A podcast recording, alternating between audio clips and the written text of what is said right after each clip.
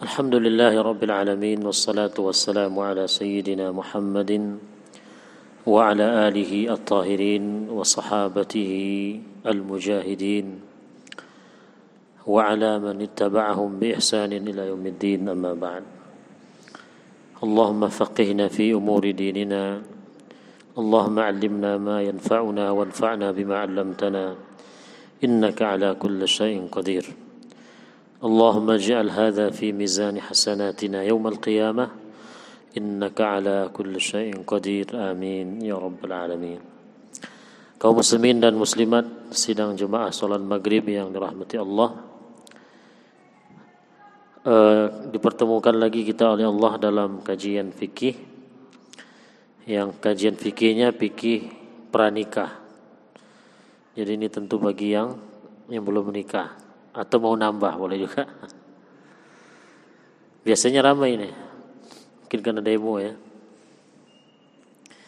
Mungkin karena demo jadi baik. Karena yang materi ini diperuntukkan untuk yang remaja atau yang mungkin mau menikah, maka materi-materi nikah itu tidak semuanya e, disampaikan kepada yang calon calon menikah tersebut. Contohnya soal wali. Kalau soal wali itu tak perlu mendalam lah ya pemahaman calon mempelai. Itu yang harus dipak yang yang harus memahaminya secara mendalam adalah orang tua atau yang sudah punya anak atau mungkin yang memang nanti dia punya jatah jadi wali. Maka bagi remaja-remaji yang ingin menikah maka materi pernikahan yang harus dia pahami itu sudah kita bahas di antaranya. Dan malam ini materi materi pernikahan yang harus dipahami adalah tentang al-muharramatu minan nisa. Al-muharramatu minan nisa atau al-muharramun minar rijal. Perempuan yang haram dinikahi atau laki-laki yang tidak boleh di dinikahi. Perempuan yang tidak boleh dinikahi atau laki-laki yang tidak boleh menikahi perempuan. Nah ini penting. Terutama bagi yang remaja atau pemuda-pemudi yang mau menikah. Juga bagi orang tua umpamanya juga harus tahu hal ini. Agar jangan sampai calon pengantin laki-lakinya atau calon pengantin perempuannya ternyata dua insan yang tidak dibolehkan oleh agama untuk menikah. Maka untuk bisa terhindar dari larangan ini maka kita harus tahu siapa saja perempuan yang tidak boleh kita nikahi bagi laki-laki. Atau siapa saja laki-laki yang tak boleh menikahi saya kalau dia perempuan. Penting sekali ini. Sekaligus untuk mengetahui siapakah mahram perempuan. Mahram itu itu istilah yang tepat kalau dibandingkan muhrim ya. Kita sering nyebut muhrim. Salah itu. Kalau dimaksudkan yang masalah ini. Muhrim itu istilah untuk orang yang sedang berpakaian ihram atau orang yang sedang melaksanakan ihram haji atau ihram umroh. Adapun mahram, nah itu baru betul ya, mahram bukan muhrim. Kalau mahram yaitu dia laki-laki yang tidak boleh menikahi seorang perempuan. Contohnya anak saya perempuan itu di antara mahramnya adalah saya, ayahnya. Kenapa saya disebut mahram bagi anak perempuan saya? Karena saya adalah yang tak boleh menikahi dirinya atau tak boleh saya nikahi dia. Jadi bukan muhrim ya. Kalau muhrim itu tadi orang yang berpakaian sedang berpakaian ihram. Dia yang benar adalah mahram. Baik. Para ulama sudah menguraikan masalah ini secara detail. Dalam Al-Quran ada disebutkan dalam surah An-Nisa ada Tapi para ulama mendetailkannya dalam artian dipaparkan lebih detail. Maka perempuan di dunia ini dibagi dua. Ada perempuan yang tidak boleh dinikahi oleh seorang laki-laki selama-lamanya. Forever. Abadan. Jadi ada laki ada perempuan atau laki-laki. Ada perempuan yang tidak boleh kita nikahi selama-lamanya bagi seorang laki-laki. Sebaliknya, ada laki-laki yang tidak boleh menikahi seorang perempuan selama-lamanya. Itu namanya mahram muabbad istilahnya itu. Muharram muabbad. Perempuan yang tidak boleh kita nikahi sampai tanpa batas waktu. Baik. Kita lihat dulu siapa saja perempuan yang tidak boleh kita nikahi. Yang batas ketidakbolehannya itu selama-lamanya. Pokoknya jangan harap. Tak ada harapan sedikit pun kita sebagai laki-laki boleh menikahi perempuan itu. Sampai kiamat, sampai mati pun tak akan bisa. Haram hukumnya. Siapakah perempuan yang tak boleh kita nikahi seperti itu? itu ada empat ya ada ada tiga sebab. Ada perempuan yang tidak boleh kita nikahi selama lamanya nggak boleh kita nikahi dan itu ada eh, tiga sebab. Sebab pertama karena ada garis nasab kita, ya ada nasab kita dengan perempuan itu. Nah, siapa sajakah perempuan yang senasab yang kita tak boleh menikahinya sampai kapan pun? Yang pertama apa yang disebut oleh para ulama kita dengan usulul insan. Kalau yang buka kitabnya itu halaman itu halamannya 61. Usulul insan, maksud usul insan itu adalah ayah ibu ke atas. Orang tua lah. Ya. Ayah, ibu ke atas. Ayah kita punya ibu, punya ayah. Ibu kita juga demikian. Terus ke atas, nah itu tidak boleh kita nikahi sampai kapan pun. Jadi jangan bercita-cita untuk menikahi ibu kandung. Ya.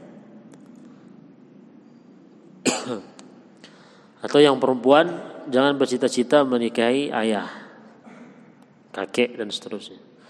Jadi yang pertama tidak boleh kita menikahi perempuan yang perempuan itu ternyata ya senasab dengan kita dalam bentuk orang tua kita, ayah atau ibu dan seterusnya. Yang kedua, yang tidak boleh kita nikahi adalah furu'il insan. Maksud furu'ul insan itu adalah keturunan kita. Kalau tadi orang tua ke atas, nah yang nomor dua ini keturunan kita, anak, cucu, habis cucu apa? Cucung, Hah? cicit, terus ke bawah. Jadi dibagi dua, orang tua ke atas nggak boleh sampai mati sampai kiamat, kemudian ke bawah keturunan kita tidak boleh. Jadinya kalau seorang kakek Jangan bercita-cita untuk menikahi cucu perempuannya. Itu tidak akan berubah sampai di kiamat. Mau sehebat apa pun nanti syekhnya pakai jenggot se sepanjang apa pun. Mau berapa juz pun dihafal Quran, 40 juz. Ada 40 juz.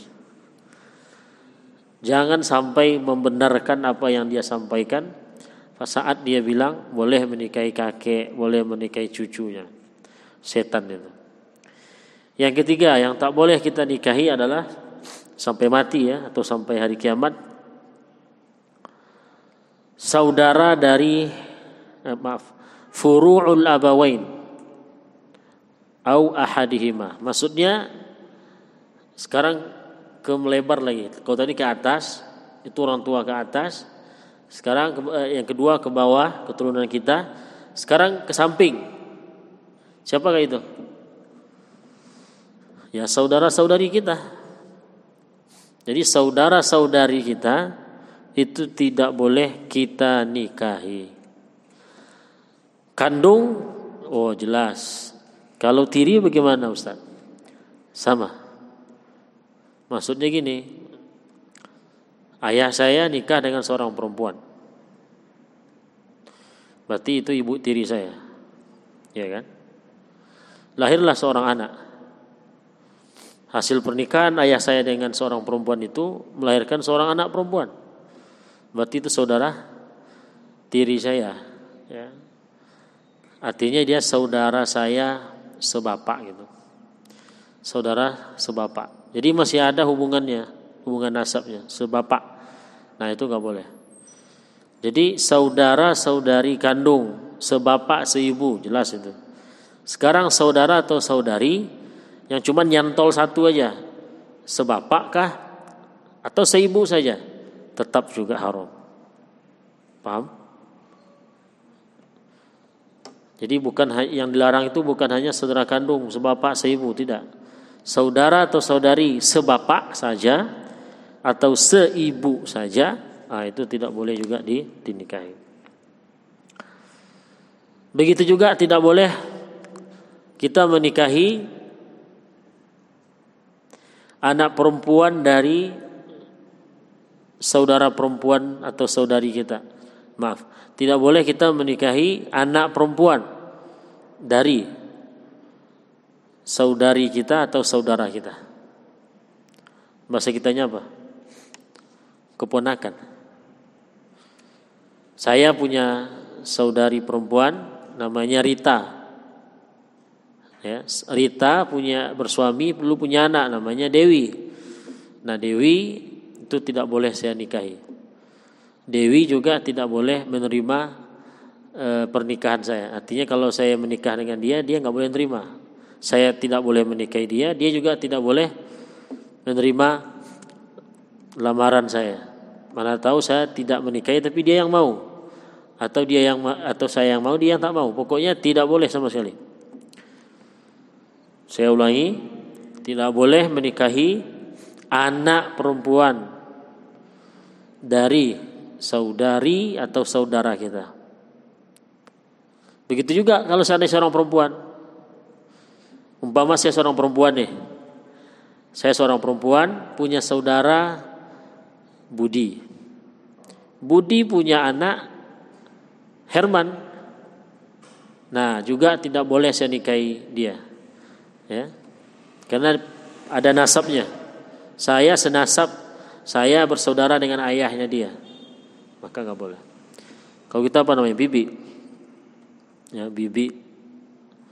Bagi bagi si Herman, saya yang tadi namanya Dewi, itu kan bibi bagi dia saudara perempuan ayahnya.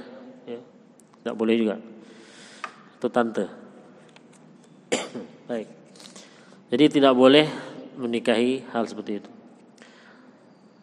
Kemudian yang keempat yang tidak boleh juga kita nikahi adalah saudara atau saudari ayah. Saudara atau saudari ayah. Itu juga tidak boleh kita nikahi. Ayah saya punya saudara eh, punya saudari perempuan. Itu juga saya tak boleh nikahi dia. Kalau tadi yang nomor yang barusan yang saya bahas itu dia dari atas ke bawah nengoknya. Kalau nomor empat ini dari bawah ke atas. Saya punya bapak. Bapak saya punya saudari perempuan. Ya berarti kan tante atau bibi atau mungkin kalau bahasa daerahnya makdang segala macam lah. Bagi saya nggak boleh saya nikahi dia. Saya nggak boleh menikah dengan dia. Atau saya perempuan. Bapak saya punya saudara laki-laki. Nah, tak boleh saya dengan dia nikah.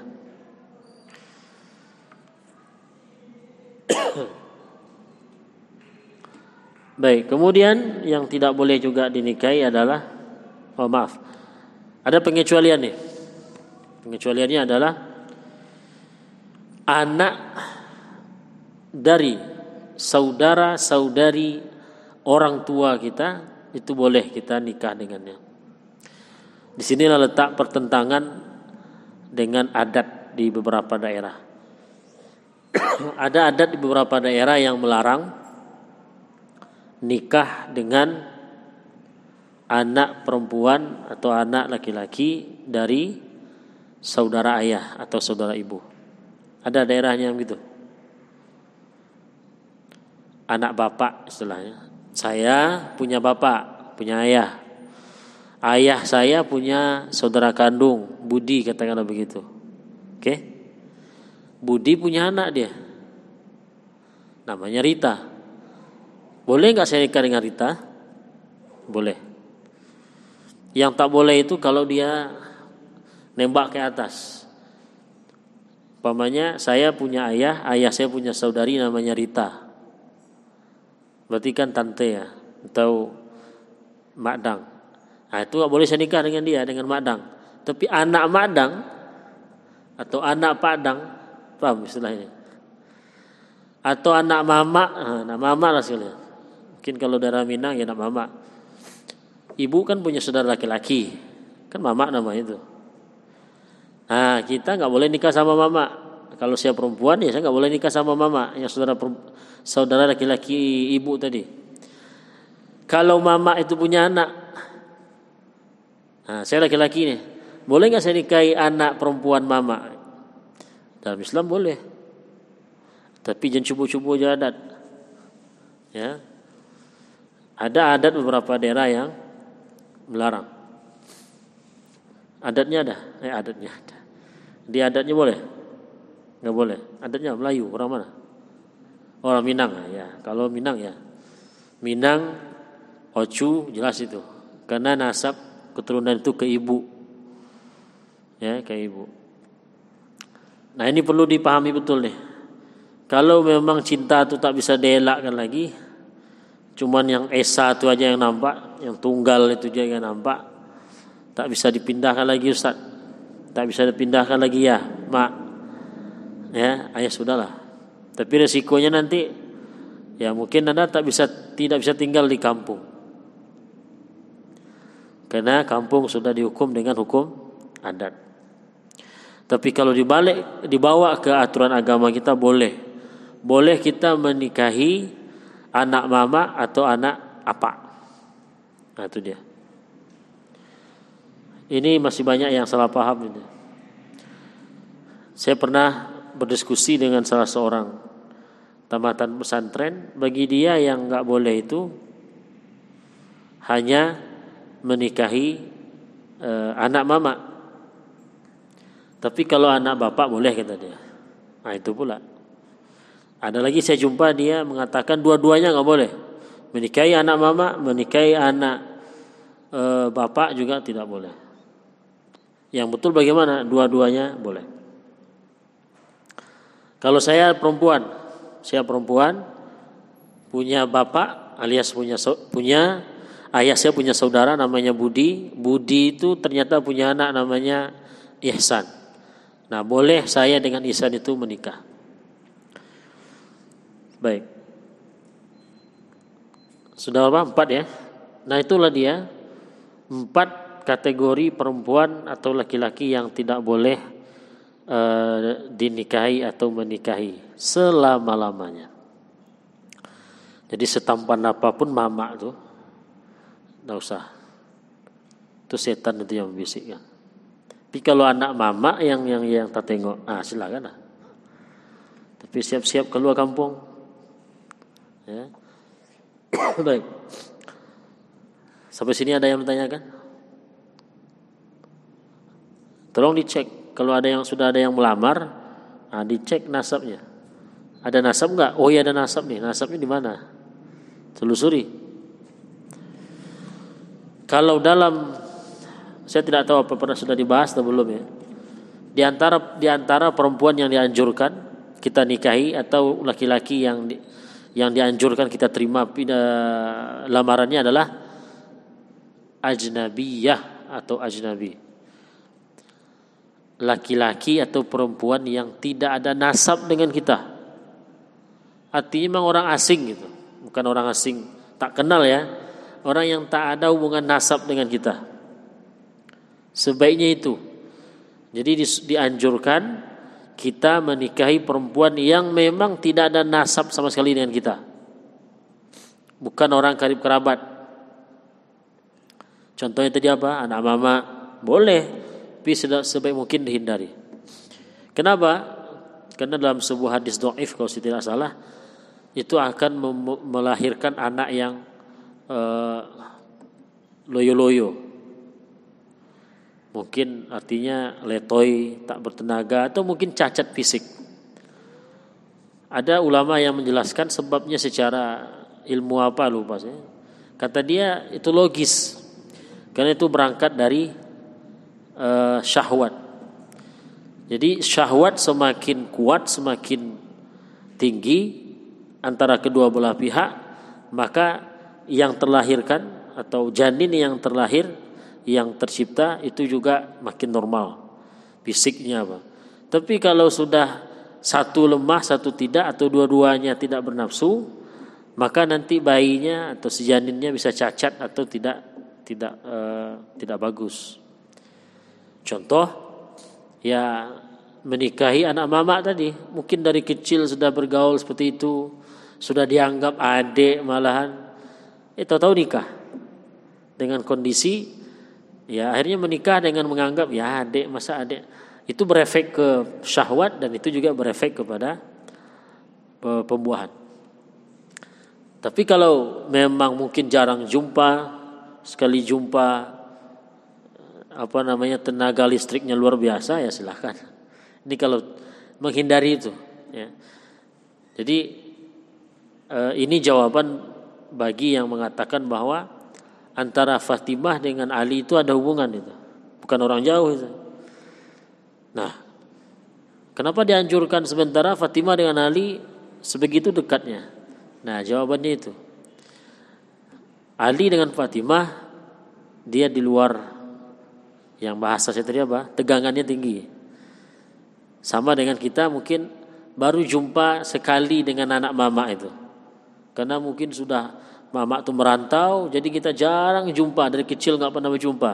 Ketika dewasa dan remaja jumpa, mulai bibit cinta datang, ya itu lain rasanya itu. Beda dengan mandi di sungai berdua, ya, mandi main kelereng berdua, itu lain itu. Nah ini ya seperti kan.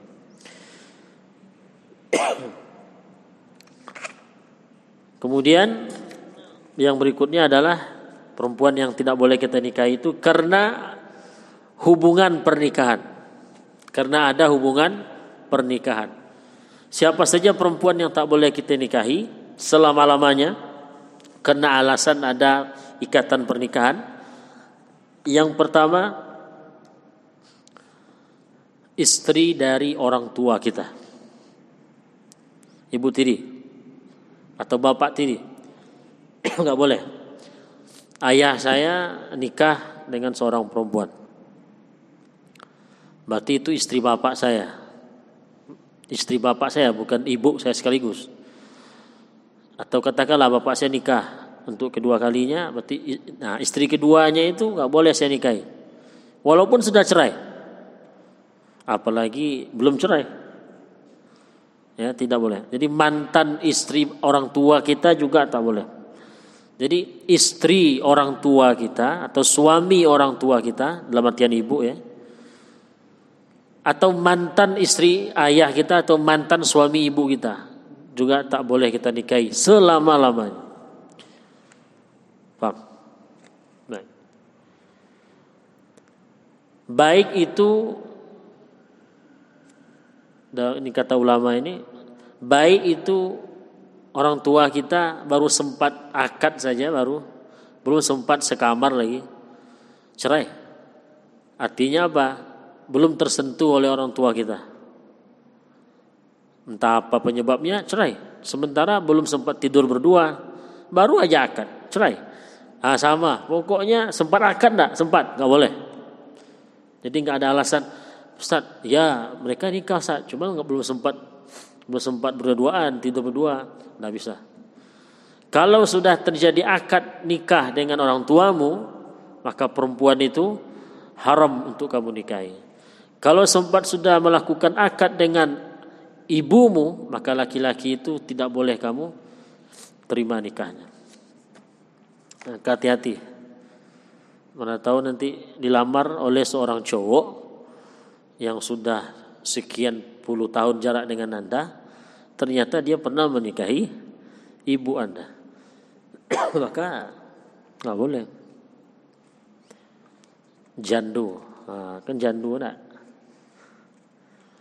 Jandu ama, eh, jandu apa? Kemudian Nah, bagaimana kalau jandu apa aku punya anak? Atau duda kalau suami ibu apa namanya? Kalau mantan istri bapak jandu apa? Jandu ayah. Kalau suami mantan suami ibu? Jadi gini, ada seorang ada seorang laki-laki menikahi ibu kita. cerai dia. Lalu ibu kita nikah sama laki-laki, lahirlah kita. Artinya ada laki-laki yang pernah menikahi ibu kita. Cerai. Dan ternyata laki-laki itu punya anak. Bukan dari ibu kita, dari istrinya yang lain. Bolehlah kita nikahi? Boleh. ya, paham enggak? Saya punya saya punya ibu, Ternyata ibu saya ini dulu pernah nikah dengan Budi. Jadi suami pertamanya namanya Budi. Cerai lalu ibu saya nikah dengan ayah saya. Budi ini setelah dia cerai dengan ibu saya, dia nikah dengan perempuan lain. Lahirlah anak dia. Nah boleh nggak saya nikah dengan anak dia? Ya boleh. Bo, boleh. Yang nggak boleh tadi apa? Dengan ayah dengan mantan suami ibu atau mantan istri bapak. Itu yang nggak boleh. Tapi dengan anaknya yang hasil dari perempuan lain atau dari laki-laki lain, eh boleh. Baik. Yang kedua, perempuan yang tak boleh kita yang tak boleh kita nikahi karena ada ikatan pernikahan selama-lamanya adalah istri atau suami keturunan kita. Saya punya anak laki-laki, dia nikah. Apa kalau kita apa namanya? Mantu ya. Menantu. Tidak boleh kita menikahi menantu kita. Walaupun menantu kita itu belum dia apa-apain sama anak kita. Baru juga sore tadi akad nikah. Maghrib ini cerai langsung. Langsung talak tiga. Belum sempat dia apa-apain. Paling-paling pegang tangan, pasang cincin. Kata ayahnya, hm, mantap kesempatan. Gak boleh. Maaf pak, anak bapak sudah dinikahi oleh anak anda. Iya kan belum sempat dua-duaan Ustaz. Sempat dia gitu-gituan. Gak ada cerita. Cari yang lain. Paham? Jadi tidak boleh kita menikahi suami anak kita kalau kita perempuan atau menikahi istri anak kita kalau kita laki-laki dan ke bawah cucu saya punya cucu cucu saya nikah sama perempuan ya tak tahu cerai umpamanya ah, boleh juga intinya istri dari keturunan kita atau suami dari keturunan kita itu jangan coba-coba kemudian yang ketiga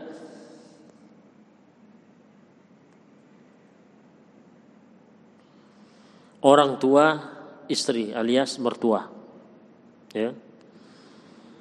Mertua itu tidak boleh kita nikahi selama-lamanya walaupun kita sudah cerai dengan dengan anaknya. Saya nikah dengan Aisyah. Karena nasib tak tak apa namanya tak baik akhirnya cerailah saya dengan dia. Nah, dia punya mertua, eh, dia punya orang tua, maka orang tuanya itu tak boleh saya nikah, saya nikahi. Sampai kapan? Selama-lamanya. Loh, kan mantan mertua saya, tidak boleh. Pokoknya kalau sudah pernah menikahi anaknya, maka orang tuanya terus ke atas, kakek-kakeknya macam tak boleh saya nikahi. Nah itulah dia. Empat juga. Sampai sini ada yang ditanyakan? Nah, tengok-tengok yang mau nikah, yang mau kita nikahi. Jangan tengok ganteng aja, ganteng, kaya, berduit, adalah tuh. Pokok punya mobil aman. Ya, silakan. ya.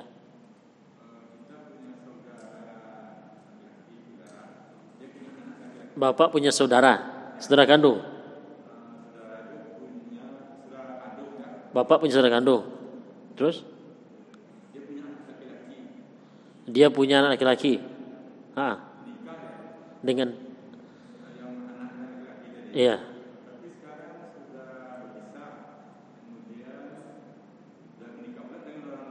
Ah.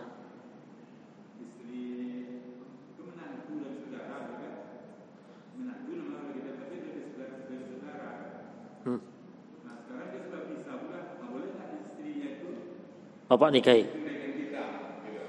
Baik, kita gambarkan dulu.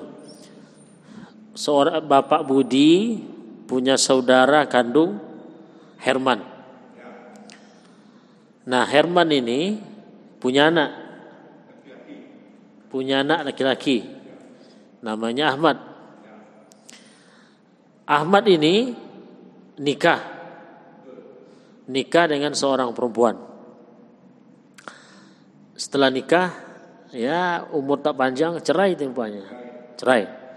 Pertanyaannya boleh nggak Pak Bapak Budi tadi yang di awal tadi nikah dengan mantan istri Ahmad yang Ahmad ini anak dari saudara laki-lakinya. Nah, jawabannya boleh. Boleh. Enggak, tidak. Karena tadi yang tak boleh itu sampai ke Ahmad aja, Pak. Ya. Iya, sama. Budi bersaudara dengan Herman. Herman punya anak laki-laki eh, perempuan. Ya, Rita. Nah, sampai dari sampai deritanya aja. Sampai deritanya aja yang dia tak boleh nikah. Oke. Jadi kalau dibalik ke, ke perempuan ke laki-laki tadi, Budi punya saudara saudara saudara saudara laki-laki Herman, Herman punya anak Ahmad, Ahmad menikah dengan putri. Nah, berarti sudah terlewat tuh. Garisnya sudah terlewat. Maka intinya boleh Budi menikahi si putri ini tadi. Yang merupakan mantan istri dari kalau kita apa namanya? Kemenakan. Eh bukan. Keponakan, Pak. Budi apa hubungannya? Nama-nama hubungannya dalam, dalam bahasa kita apa? Budi dengan anak saudara, anak saudara laki-laki. Keponakan. Keponakan ya. Nah. Jadi boleh kita menikah dengan mantan istri keponakan kita. Saya punya saudara laki-laki, saudara laki-laki ini punya saudara laki-laki juga, punya anak laki-laki, lalu dia nikah cerai dia, nah, boleh saya nikahi. Karena batas garis merahnya hanya sampai di keponakan atau di kemenakan. Baik. Ada lagi?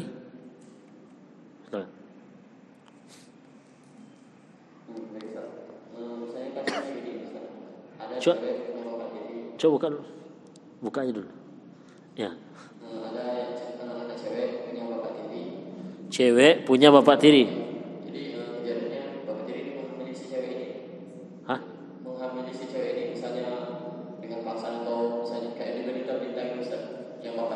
Sebentar, kita contohkan Rita, cewek kan? Punya bapak tiri. Bapak tiri ini maksudnya ibunya nikah lagi dengan orang. Oke. Okay. Oh iya, terus?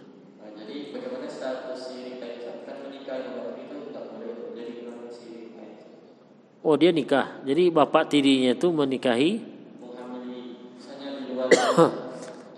berzina atau gimana?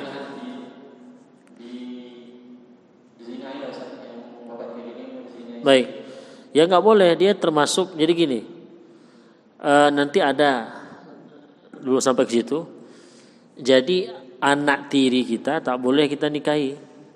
Dia termasuk mahram kita. Contoh, saya menikahi janda. Janda ini punya anak perempuan. ya itu tak boleh saya nikahi anak anak dia apalagi menghamili di luar zina di luar nikah. Menikah saja nggak boleh. Ya. Apalagi kalau saya hamili baik dengan nikah atau tidak nikah. Dosa besar itu. Statusnya apa? Gimana? Status anak yang dihamili. Ya dengan sangat sangat sedih ya kita bilang itu anak zina. Terus? Ya. Anak zina itu artinya gini, anak yang di yang tercetak yang terbuahi dia cikal bakalnya itu sebelum akad nikah. Ya, atau dengan hubungan yang tidak tidak tidak diperbolehkan.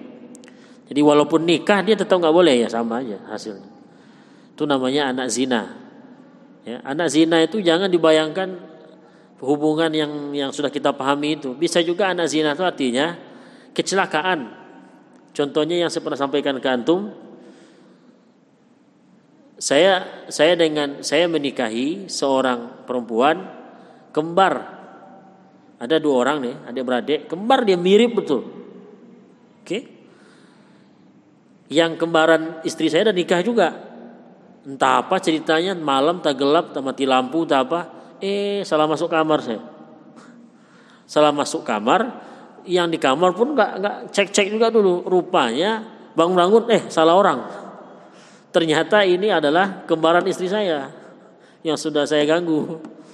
Dan itu ternyata berbuah. Gimana coba? Ya itu anak zina juga.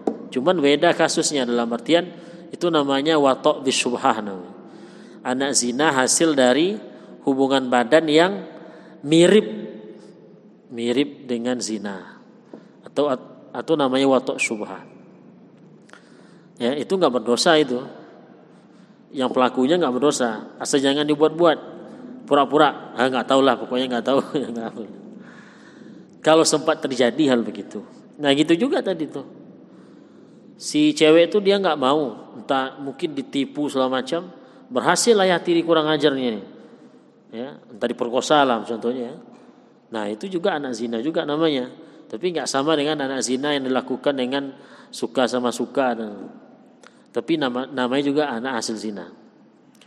Cuman dua tindakan itu beda. Ada satu zina ada satu namanya watok bisubha baik. Ada lagi ini yang saya tunggu jawaban perempuan. Ah, itu coba kertasnya. Karena habis sisa saya ada Ah, itu. Silakan.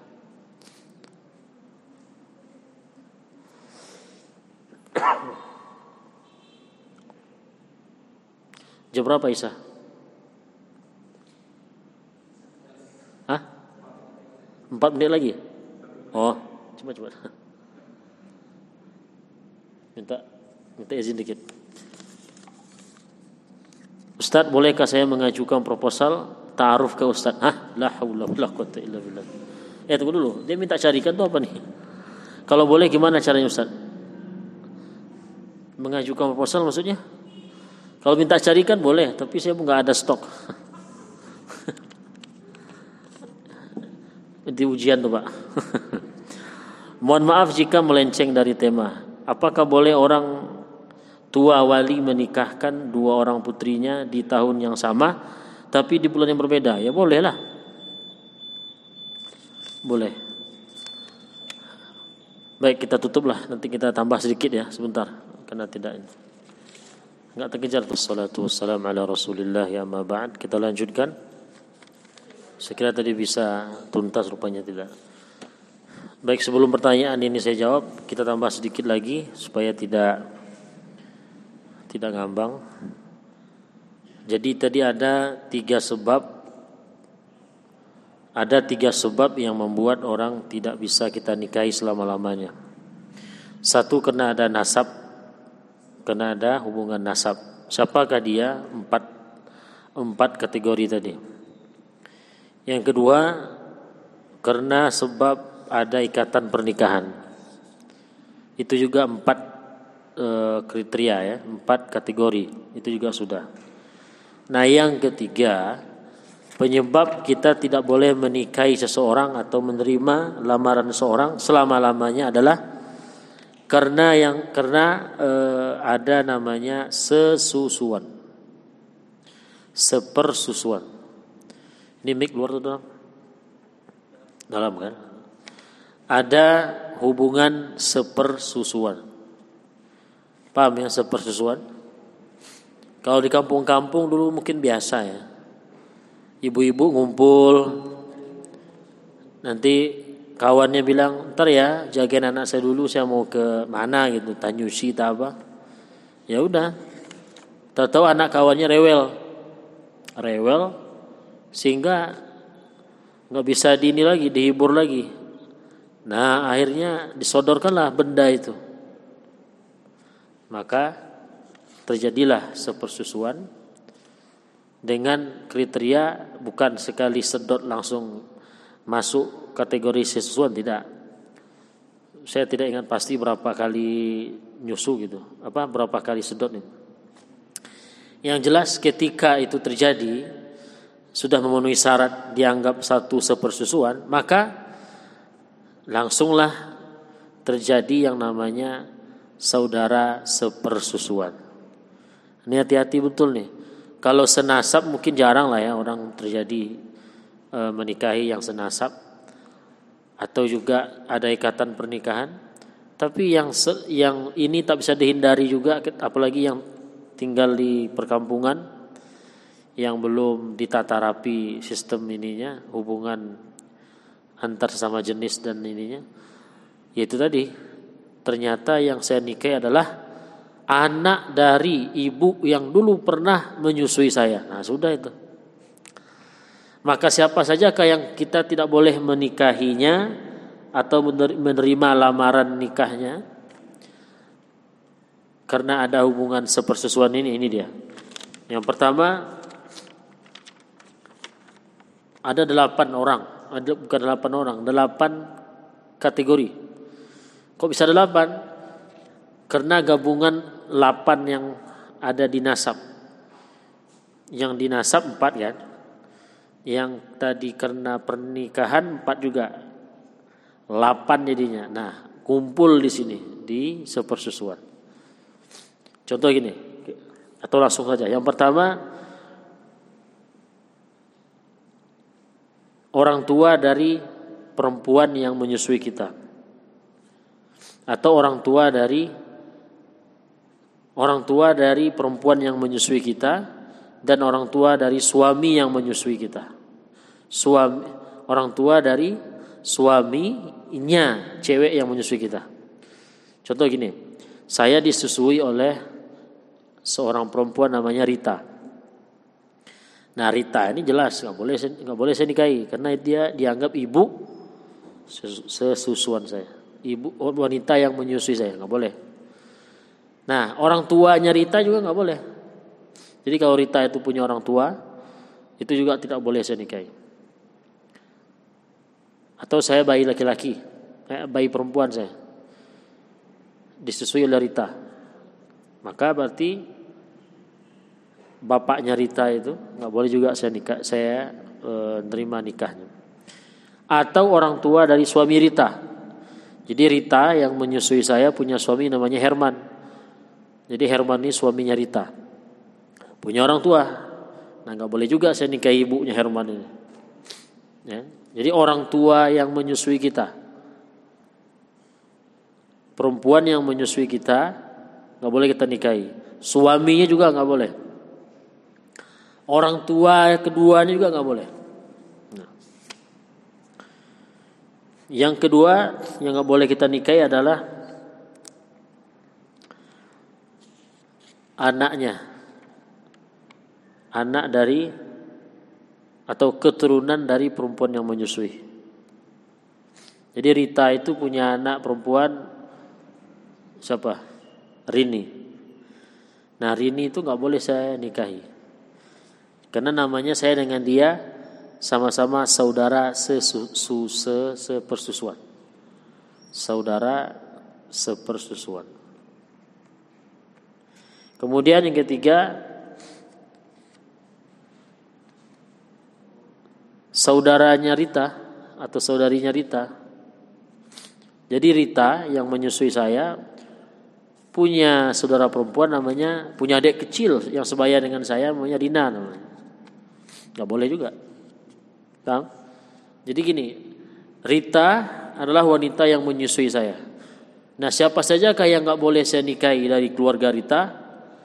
tarik ke atas, orang tua Rita ke atas, keturunan Rita tarik ke bawah, atau ke pinggir dia, ke samping, saudara saudarinya Rita. Oke.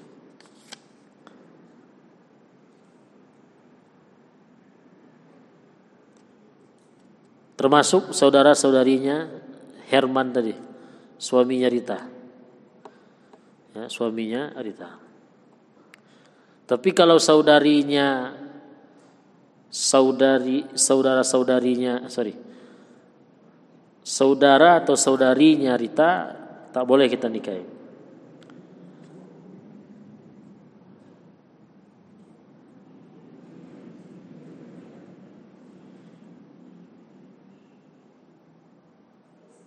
Saudarinya.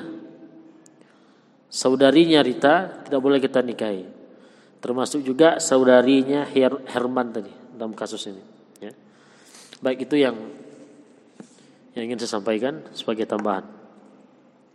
Dia ada delapan kita cukupkan empat saja dulu.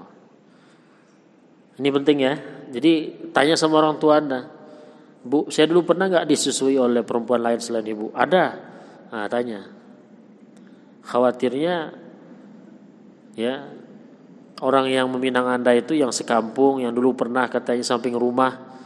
Nah, jadi gini, ketika yang melamar itu atau yang ingin Anda nikah itu adalah orang yang dulu pernah bertetangga dengan Anda, tinggal di kampung, atau anak teman dekat orang tua Anda.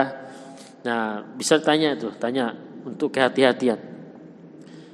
Mana tahu dulu sempat ibu dari saudara ibu Eh, kawan ibu anda itu pernah memimikkan anda. Maka anaknya keturunan ke bawah ya nggak boleh anda nikahi. Baik. Assalamualaikum Waalaikumsalam Mohon maaf jika melenceng. Ya saya maafkan. Jangan jauh-jauh Jangan jauh-jauh kali.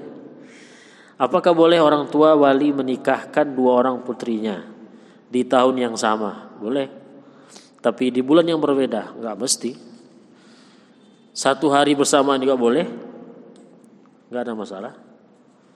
Cuman yang saya saya penasaran kan orang tuanya menganggap nggak boleh kenapa gitu. Kalau secara agama itu boleh. Di tahun yang sama, di bulan yang sama, di hari yang sama. Di jam yang sama, boleh. Dia saya punya anak perempuan, Ita Iti ya Ita Iti. Ita dengan apalagi Ita itu. Rina Rini, ini Rina, ini Rini, ini suaminya ini suami. Tapi ya tentu ganti-gantian. Suaminya Rina dulu, habis itu suaminya Rini. Nah, mungkin berbarengan. Ya. Suami Rina dulu, ya saya terima, saya nikahkan bahasa saya langsung. Suaminya Rini, boleh. Tidak ada larangan dalam Islam.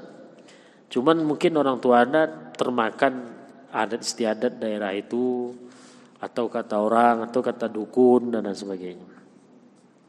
Gak ada masalah. Cuman yang penanya ini saya sarankan coba tanya orang tuanya. Kalau orang tuanya mengatakan nggak boleh, nopo. Kenapa? Oh, karena nggak ada duit loh nak. Ya, oh sudah. Kalau itu ya nggak boleh lah. Nggak bolehnya bukan berarti berdosa. Nggak bolehnya karena nggak sanggup orang tuanya biayai. Oke. Karena di sebuah di ada suku, ada ya ada suku atau ada istiadat daerah yang itu yang membiayai pernikahan bukan pihak suaminya. Pihak istri. Ya habislah. Kamar isi kamar apa lagi? Sempat pula dua anak perempuannya menikah.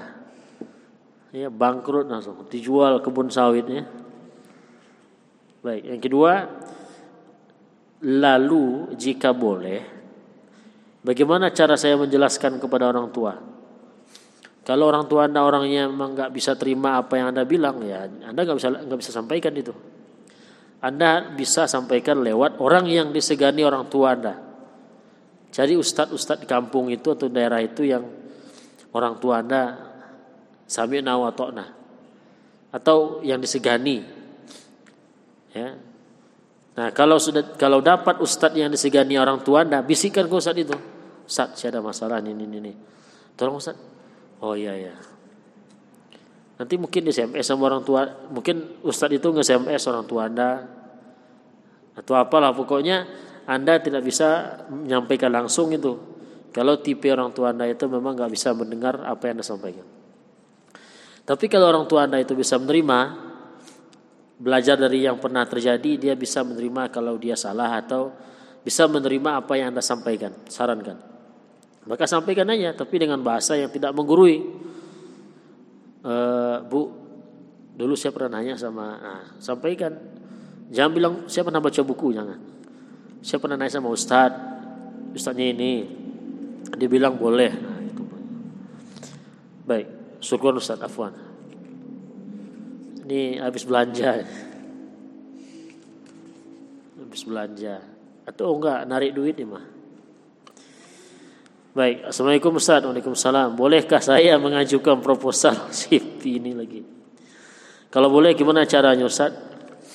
Kalau maksudnya ini adalah proposal CV ta'aruf untuk saya, bukan untuk minta carikan, saatnya tidak tepat. Saatnya tidak tepat. Kenapa?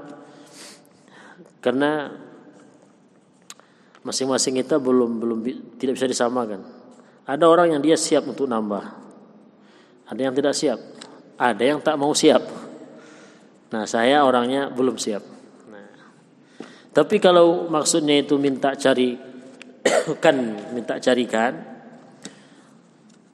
ya saya saya katakan tadi tak punya stok. Artinya saya tidak tidak punya list nama-nama ikhwan atau laki-laki yang dia minta carikan nggak ada. Jadi dua-duanya pahit. Sabar aja lah. Ya. Tapi bagus juga cara model begini. Nanti saya jawab di sini. Ada kaitannya dengan pertanyaan berikutnya. Assalamualaikum Waalaikumsalam Ustaz saya sudah cukup umur Emang berapa umurnya? Cukup umur saya nggak tahu berapa. 19 tahun. Sudah siap menikah. Mantap. Tolong pasang telinga ya. Saya sudah siap menikah, cuma inisialnya nggak ada nih. Saya sudah cukup umur, Oke, berarti udah masuk umur-umur pernikahan, mungkin dah. Ya kalau sudah usia nikah, eh kalau udah dia masih sui, dah mulai-mulai nulis ya tahulah, bayangkanlah umurnya. Saya sudah siap menikah, tambah lagi tuh. Masalahnya belum bertemu jodoh. Ini dia. Umur belum, eh, umur cukup. Siap nikah dah siap, kalau jodoh nggak datang, ambiar semua. Nah pertanyaan dia, apa yang harus saya lakukan? Intinya, Ustaz, saya mau nikah ya Ustaz, tapi nggak datang-datang dia. Pertama yang Anda harus lakukan adalah doa. Anda minta kepada zat yang memberikan jodoh siapa pun. Ya. Carilah waktu-waktu yang mustajab. Kalau Anda nggak tahu waktu mustajab ya susah. Anda mau doa Anda mustajab dikabulkan Tuhan. Anda nggak Anda tidak tahu kapan waktu-waktu istimewa yang sangat rentan doa dikabulkan. Anda nggak tahu ya sudah. Banyak tempat-tempat mustajab contoh antara azan dengan komat. Habis orang azan, nah, komat kamit lah. Kawan samping bingung ngapain kawannya? Apa lagi? Tengah malam. Ya, sepertiga malam terakhir. Bangun jam 3 jangan jangan update status. Bismillah saya akan berdoa pada Allah, wahai jodohku datanglah. Yang mana ada terima Tuhan itu? Ya, kemudian setiap Anda sujud salat, salat sunat kah, salat wajib kah? Ketika sujud tapi harus pakai bahasa Arab. Nah, itu makanya jangan ngambil jurusan bahasa Arab lah. Nggak boleh Ya Allah nikahkan aku ya Allah Please ya Allah Give me hasben macam. Enggak harus pakai bahasa Arab. Makanya anak-anak yang bahasa Arab enak dia curhat sama Tuhan itu. Nggak ada yang nggak ada yang paham. Kalaupun dengar dia nggak apa apa lah kata orang ini ini enggak subhana rabbiyal ala subhana rabbiyal yang sampai bilang Allahumma zawijni ya Rabb Allahumma inni as'aluka zawjan Allahumma inni as'aluka zawjan enak curhat itu itu dia minta catatkan dia ingat setiap eh, di waktu sujud solat itu di antara tempat mustajab doa. Manfaatkanlah. Saya pribadi sudah banyak doa saya terkabul. Rasanya ya karena saya banyak berdoa di situ. Maka kalau kita tahu tahu ini, maka kita nggak nggak risih ketika imam itu lama kali sujudnya. Kadang kita dongkol kan, mak lama kali sujudnya. Kalau orang yang tahu kesempatan ini ngapain dia kesel? Minta semua, kuali, panci, apa minta semua situ. Yang berikutnya waktu mustajab adalah sebelum salam. Fil alamin innaka hamidun majid. Nah, sebelum kita salam situ doa juga, tapi lagi-lagi pakai bahasa Arab. Tidak boleh bahasa Inggris, bahasa daerah nggak boleh. Enak kan? Mantap makanya. Habis ini nah, minta apa bahasa Arabnya Ustaz? Ya Allah berikan saya jodoh. Ah, langsung dicatatnya. Nanti sholatnya gini, bila alamina inna kami Lupa dia, bukanya. Takutnya nanti salamnya berubah bunyinya. Allahumma ini as'aluka zawjan. Nah, itu di antaranya. Ya, yang kedua ikhtiar, usaha. Doa tanpa usaha sama aja bohong. Ikhtiarnya gimana? Pertama ya Anda jangan jaga image, eh, jangan lagi jaim, sok jual mahal. Kemudian Anda tertutup dalam artian buka link. Kalau sudah memang mau menikah, Anda berarti Anda mencari. Yang nama mencari boleh nggak diam-diam? Anda mau cari duit, cari cari barang hilang itu diam aja. Gak akan jumpa dia. Mulai Anda tebarkan sayap. Ya, karena sudah saatnya. Anda bilang tadi umur dah sudah siap nikah, apalagi. Jadi nggak ada ceritanya jaim lagi nggak ada. Ayo mau cari jodoh ya, mana bohong nggak saya nggak, ya nggak bisa. Jujurlah pada orang yang memang anda lihat dia bisa bantu, jujur. Kemudian ya kalau rasanya kriteria anda terlalu tinggi, mentang-mentang kuliah nilainya A aja gitu kan. Sekarang maunya dapat, dapat nilai A juga suaminya, ya tolong dikendorkan dikit. Karena kadang-kadang cewek ini nggak sadar dia yang membuat cowok itu berpikir dua kali mendekati dia karena MPD-nya dia. Tengoknya belakangnya SPD, MPD. Awak S1 baru katanya.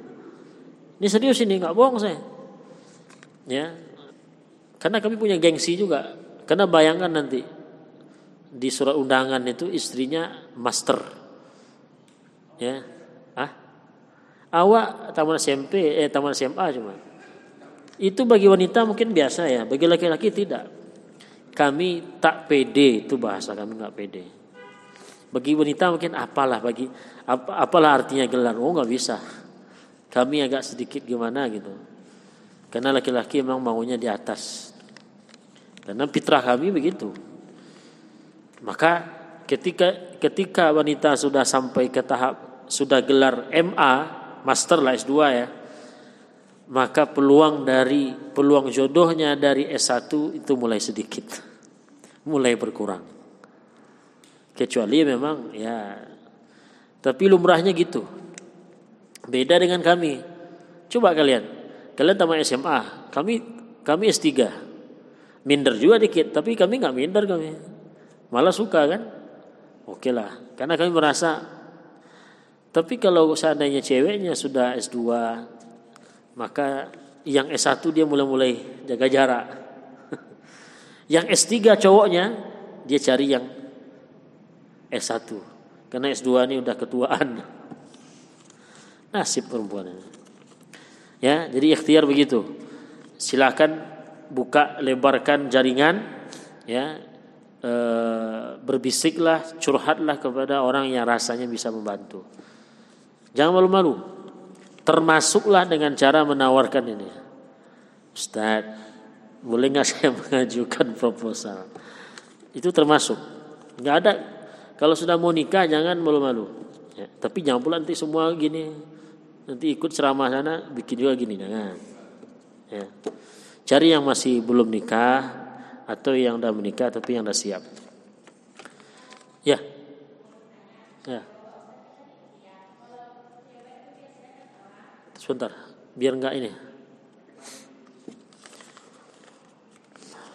Ini sudah. Ya, silakan. Waalaikumsalam warahmatullahi Ya.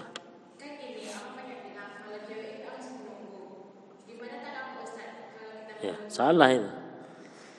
Salah. Apalagi jumlah Anda sudah banyak.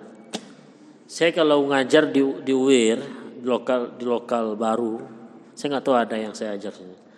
Itu pertama pertama pasti saya bahas itu. Kenapa penting? Anda harus buang mindset yang seperti itu, nunggu, nggak zamannya lagi. Mau nunggu juga, silahkan. Tapi siap-siap perawan tua. Hello, sekarang tuh jemput bola. Jemput bola. Anda Anda sadar nggak pasarnya sekarang itu? Pasarnya gini. Laki-laki ini, fitrah kami ini mau cari yang mana? Kalau ada pilihan usia ya, lebih muda dari kita, sebaya atau lebih tua? Nah, lebih muda coba.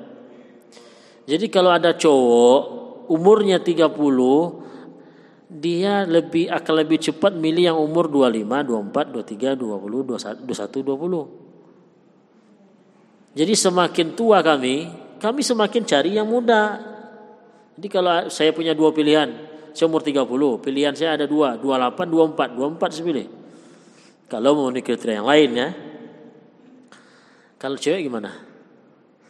Cewek ketika usianya sudah mulai naik, Nah itu tadi peluang untuk dikejar oleh orang yang usia di atas dia juga mulai berkurang.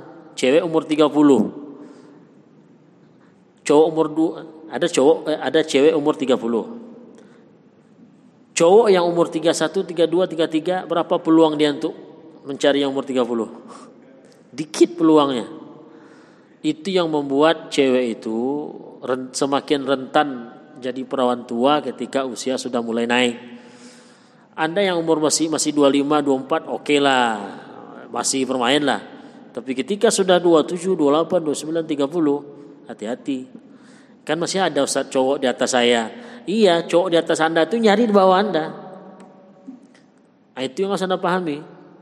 Jadi nggak ada level aman, level aman nggak ada. Anda umur 24 pun sekarang masih umur Anda umur 24 sekarang itu Anda bersaing dengan anak SMA. Jadi tidak tidak ada waktunya lagi untuk uh, menunggu. Itu betul itu tapi mungkin di masanya ya, di masa dan kondisinya yang mendukung untuk itu. Sekarang enggak. Saran saya kejar bola. Cuman bukan dengan cara Anda keluar bawa pamflet sini. Saya umur 30 saya, tolong enggak bukan itu. Artinya agresif dalam artian anda yang jemput bola ya cari, tapi bukan dengan cara yang vulgar. Ya, nanti Anda kirim status eh, bikin status di EB. Tolonglah woi, saya umur 30 ya. Enggak.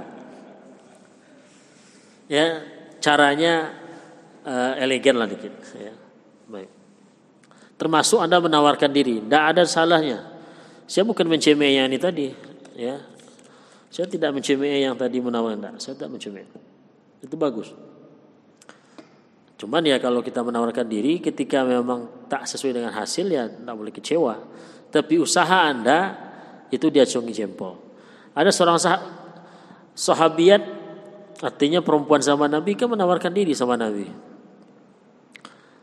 Dan boleh hukumnya tak ada masalah. Jadi nggak ada ceritanya lagi masa iya cewek duluan. Ya sudah, terakhir aja nikah. Jadi kalau jumpa nanti teman bilang, masa kita duluan. Ya sudah monggo terakhir nikah. Saya mau duluan nikah. Gak usah kalian lah. Adik saya udah umur berapa nikah? Belum nikah sampai sekarang. Mungkin udah umur 28 27 itu. Ya mau gimana? Ya jadi masing-masing lah. Jadi emang rahasia Tuhan itu ya. Ya, jadi jemput bola, ikhtiarnya gitu. Sekarang untuk ikhtiar tidak lagi main nunggu. Anda yang mencari, kalau memang Anda yakin dengan orang ini, pas rasanya tawarkan diri. Tapi dengan lagi-lagi dengan bahasa yang tidak vulgar. Jangan diobrol pula. Tolonglah. Jangan. Oke ya, yang nanya tadi, jangan-jangan yang nanya tadi yang nanya ikhtiar apa tadi? Apa yang harus saya lakukan? Dari bahasa dari mukanya ya kayaknya. Baik. Kemudian Assalamualaikum Waalaikumsalam Apakah wudhu kita batal apabila tersentuh dengan orang tua tiri? Nah, jadi mengenal yang mengenal siapa saja mahrom tadi itu di antara gunanya ya ini untuk mengetahui batal nggak wudhu kita bersentuh, bersentuhan dengan bersentuhan kulit dengan orang itu. Nah, coba. Tapi pertanyaannya orang tua tiri. Taruhlah ayah tiri ya. Ayah tiri itu boleh nggak menikahi kita? Jadi putri, putri ini punya ayah tiri. Artinya ayah kandungnya meninggal, lalu ibunya menikah lagi dengan seorang laki-laki. Berarti kan ayah tiri. Nah sekarang pertanyaannya, boleh nggak putri ini dinikahi oleh ayah dinikahi oleh ayah tirinya tadi. Hah, ingat lagi tadi. Boleh tidak putri dinikahi oleh ayah tirinya? Lihat dua kondisi ini. Kondisinya gini. Ibunya si putri ini udah di udah di udah di eh sama ibu sama sama ayah tirinya belum? Sensor tuh ya sudah di eh oh, sudah. Maka ayah tirinya itu tidak boleh menikahi si putri. Nah kalau sudah nggak boleh dinikahi oleh ayah tirinya ya sudah berarti nggak batal wudhunya. Jadi putri kalau bersentuhan kulit dengan ayah tirinya dalam kondisi yang pertama ini ya nggak batal wudhu kedua-duanya. Kenapa karena dua-duanya nggak boleh nikah. Nah, kapan kondisi yang begini? Ketika ayah tirinya sudah eh, paham enggak? Sudah melakukan hubungan suami istri dengan ibu kandungnya ini. Tapi kalau belum, ya kayak tadi contohnya, habis akad nikah, belum sempat lagi melakukan itu, cerai lagi. Berarti kan sempat nikah aja kan? Belum sempat yang gituan. Ya berarti nggak apa-apa. Apa namanya nggak nggak masalah eh sorry. Boleh itu mereka menikah berdua. Boleh ayah mantan ayah tirinya boleh menikah menikahi putri ini. Oke? Sebentar. Ada yang tak masuk nih. Ada yang merasa ada, ada yang salah nggak jadi ibu putri ini dinikahi oleh seorang laki-laki namanya Herman. Herman terus. Tapi belum sempat melakukan hubungan suami istri, cerai Herman dengan ibunya putri. Tapi akan nikah sudah. Nah, bolehkah si Herman ini menikahi putri? Kenapa? Karena sudah sudah akad nikah. Ya. Kan tadi itu saya bilang. Kita tidak boleh menikahi suami eh, tidak boleh menikahi istri ayah atau tidak tidak boleh dinikahi suami ibu eh, walaupun belum sempat melakukan hubungan suami istri. Pokoknya udah nikah udah, udah ya sudah. Baik, jadi intinya gitu ya. Jadi jadi batal tidak batal wudhu anda. Ya, tidak batal wudhu wudhu anda kalau bersentuhan kulit dengan ibu dengan ayah tiri. Baik. Begitu dengan aurat nanti. Jadi gunanya kita tahu mahram itu siapa pertama itu berkaitan dengan boleh atau tidak kita nikahi yang bersangkutan. Yang kedua untuk mengetahui dengan siapakah batal wudhu kita kalau bersentuhan kulit? Yang ketiga, untuk mengetahui siapa saja yang boleh melihat e, tubuh kita. Ya. Artinya aurat kita siapa yang boleh melihat, siapa yang tidak, kemudian batasan auratnya yang mana. Jadi gini, suami ibu alias ayah tiri. Ketika dia melihat eh, ketika anda tidak pakai jilbab ya dia boleh melihat. Karena dia nggak boleh nikahi anda. Berarti mahram anda. Cuman kena hati-hati saja takut nanti jatuh cinta pula dia sama kalian maka supaya aman jangan nampak. Tapi pada dasarnya boleh karena dia mahram anda Mahram itu artinya dia boleh berdua-duaan dengan Anda. Boleh dia menemani Anda naik haji atau apalah ya. Bepergian jauh. Itu mahram itu gunanya. Baik. Ini dia pertanyaan yang sudah ada. Ada tambahan enggak? Tadi ada? Itu, Bu. Silakan. Monggo.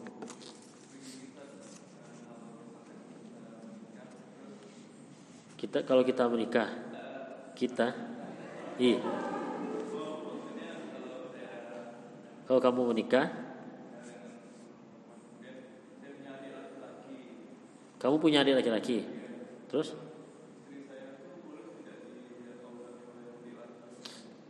Baik. Jadi siapa namanya? Agung. Agung menikah dengan putri. Nah, Agung ini punya adik namanya Gono.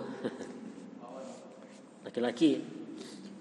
Nah, boleh nggak si Gono melihat bagian fisik istrinya si Agung? Pertanyaannya gini, boleh nggak Gono menikahi menikahi istrimu? Boleh nggak?